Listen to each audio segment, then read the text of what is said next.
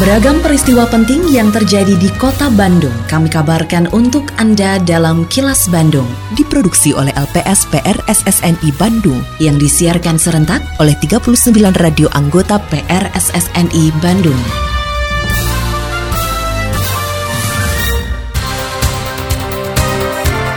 Sejumlah informasi aktual kami hadirkan untuk Anda dan inilah informasi utamanya.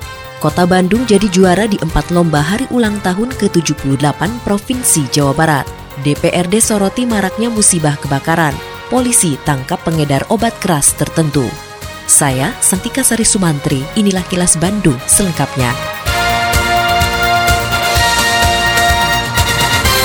Pelaksana harian Wali Kota Bandung, Emma Sumarna menyatakan pemerintah memandang penting peran perempuan dalam tataran politik. Bahkan pemerintah mengakomodasi 30 persen keterwakilan perempuan pada urusan politik tingkat pusat dan pencalonan legislatif harus tersedia di setiap tingkatannya. Saat kegiatan pendidikan politik bagi perempuan, Emma mengatakan di kota Bandung terjadi lompatan yang luar biasa. Sebelumnya hanya ada dua kursi di DPRD kota Bandung yang diisi perempuan. Namun saat ini sudah 18 persen atau 9 kursi yang diisi perempuan. Emma menilai pada perhelatan pemilu tahun depan berpeluang besar akan terjadi peningkatan jumlah perempuan yang bisa mengisi kursi anggota dewan. Pasalnya dari data Dinas Kependudukan dan Catatan Sipil atau Disduk Capil, jumlah warga perempuan yang memiliki hak pilih mencapai 50,53 persen. Yang namanya ibu-ibu, namanya perempuan adalah makhluk ciptaan Allah yang demikian mulia.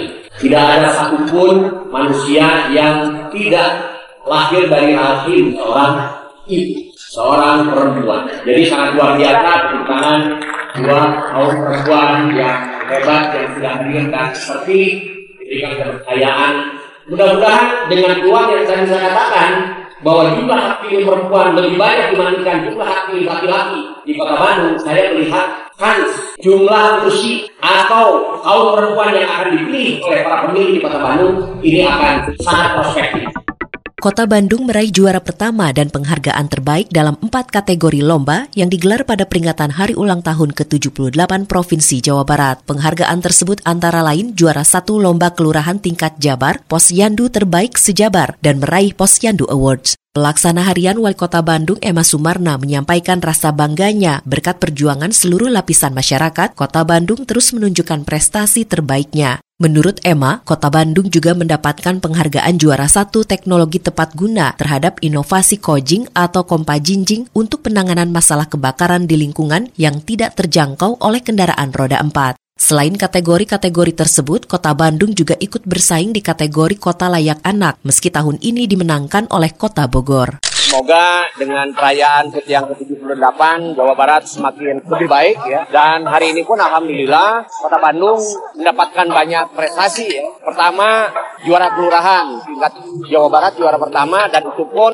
ikut di ajang nasional dan kita mendapatkan juara kedua walaupun untuk lingkup Pulau Jawa dan Bali yang diraih oleh kelurahan suka miskin. Kemudian kita juga mendapatkan predikat posyandu terbaik ke Jawa Barat. Kemudian juga tadi ada Kojing ya jinjing untuk penanganan masalah kebakaran untuk di lingkungan-lingkungan yang memang tidak terjangkau oleh kendaraan roda empat.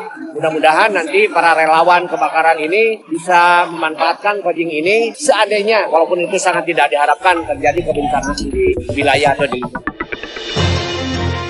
Suara DPRD Kota Bandung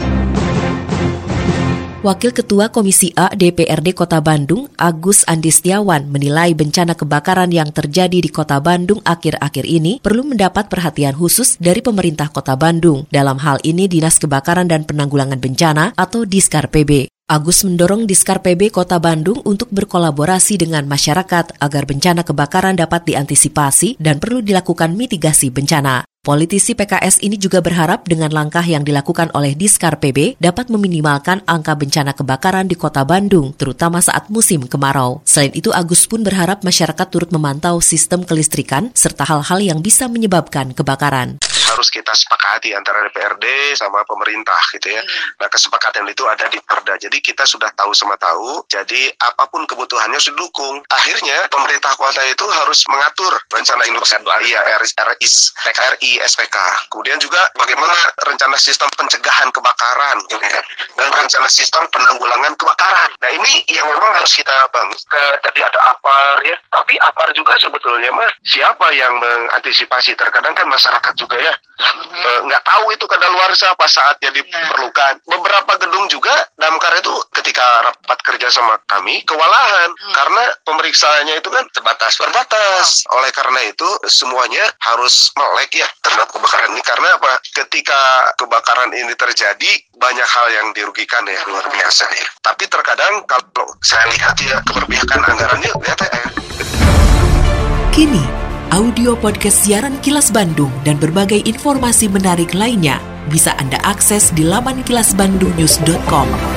Masa jabatan sejumlah wali kota dan bupati di Jawa Barat dalam waktu dekat segera habis. Bahkan beberapa di antaranya sudah berakhir. Oleh karenanya beberapa pejabat dilantik sebagai pengganti wali kota atau bupati. Seperti pada Senin ini, Gubernur Jawa Barat Ridwan Kamil melantik Tri Adianto Cahyono sebagai Wali Kota Bekasi di sisa masa jabatan 2018-2023. Sebelumnya Tri Adianto menjabat sebagai pelaksana tugas Wali Kota Bekasi sejak Januari tahun lalu, menggantikan Wali Kota Rahmat Effendi yang tersandung kasus korupsi. Ridwan Kamil meminta kepada seluruh pejabat baru untuk menjaga kondusivitas wilayah menjelang hingga berakhirnya pemilu 2024 mendatang. Kami berharap di sisa masa jabatan manfaatkan karena waktulah yang tidak bisa dibalikan. Di sisa waktu ambillah keputusan terbaik setiap hari sampai sisa masa jabatan. Luangkan waktu menyelesaikan semua urusan-urusan yang masih tersisa, lakukan inovasi-inovasi, terobosan-terobosan dan persiapkan untuk menghadapi pemilu 2024 2024 dengan kondusif,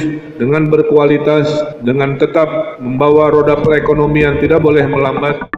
Angka penjualan listrik sektor bisnis di Jawa Barat hingga Juni 2023 naik cukup signifikan, mencapai 4.038 gigawatt hour atau tumbuh 22,1 persen dibanding periode yang sama tahun sebelumnya. General Manager PT PLN Unit Induk Distribusi Jawa Barat, Susiana Mutia, mengatakan perkembangan teknologi informasi di Jawa Barat menjadi pendorong pertumbuhan konsumsi listrik khususnya di sektor data center. Selain itu, pelanggan bisnis dari sektor pariwisata juga tumbuh seiring dengan semakin banyaknya berbagai event di ruang publik serta meningkatnya kunjungan masyarakat ke tempat wisata. Geliat bisnis di Jawa Barat menunjukkan capaian positif. Hal ini ditunjukkan dengan kenaikan konsumsi listrik pada pelanggan bisnis sektor teknologi informasi dan sektor pariwisata yang terdiri dari perhotelan, restoran, dan tempat makan lainnya, tempat wisata, serta hiburan polisi menangkap sembilan orang tersangka pengedar obat keras tertentu atau OKT yang kerap beraksi di wilayah kota Cimahi, Kabupaten Bandung Barat, dan Kabupaten Bandung. Kapolres Cimahi AKBP Aldi Subartono mengatakan sejumlah kalangan yang menjadi sasaran para tersangka, antara lain pelajar, orang dewasa, dan pekerja. Selain menangkap para tersangka, polisi menyita lebih dari 13.000 butir obat keras tertentu yang disalahgunakan. Terkait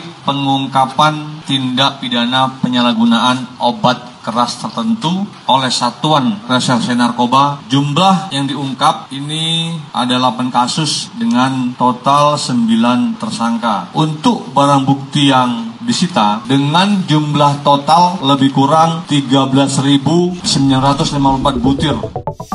Assalamualaikum warahmatullahi wabarakatuh. Sampurasun, salam pariwisata. Dalam rangka meningkatkan promosi pariwisata, Disdukbar Kota Bandung selalu menghadirkan informasi terkini perihal kebudayaan, pariwisata, dan ekonomi kreatif dengan media yang digunakan untuk Instagram Live dilakukan setiap hari pukul 11 siang, 1 siang, dan 4 sore.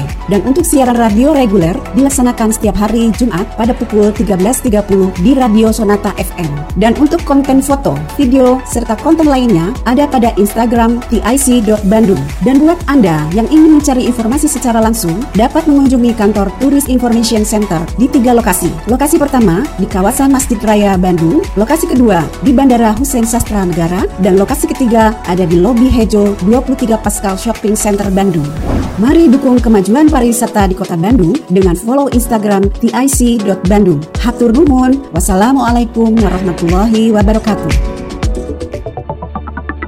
Tetap jalankan perilaku hidup bersih dan sehat untuk diri dan keluarga meski pemerintah menetapkan status pandemi COVID-19 di Indonesia sudah berakhir dan mengubah COVID-19 menjadi penyakit endemi. Terima kasih Anda telah menyimak kilas Bandung yang diproduksi oleh LPSPR SSNI Bandung.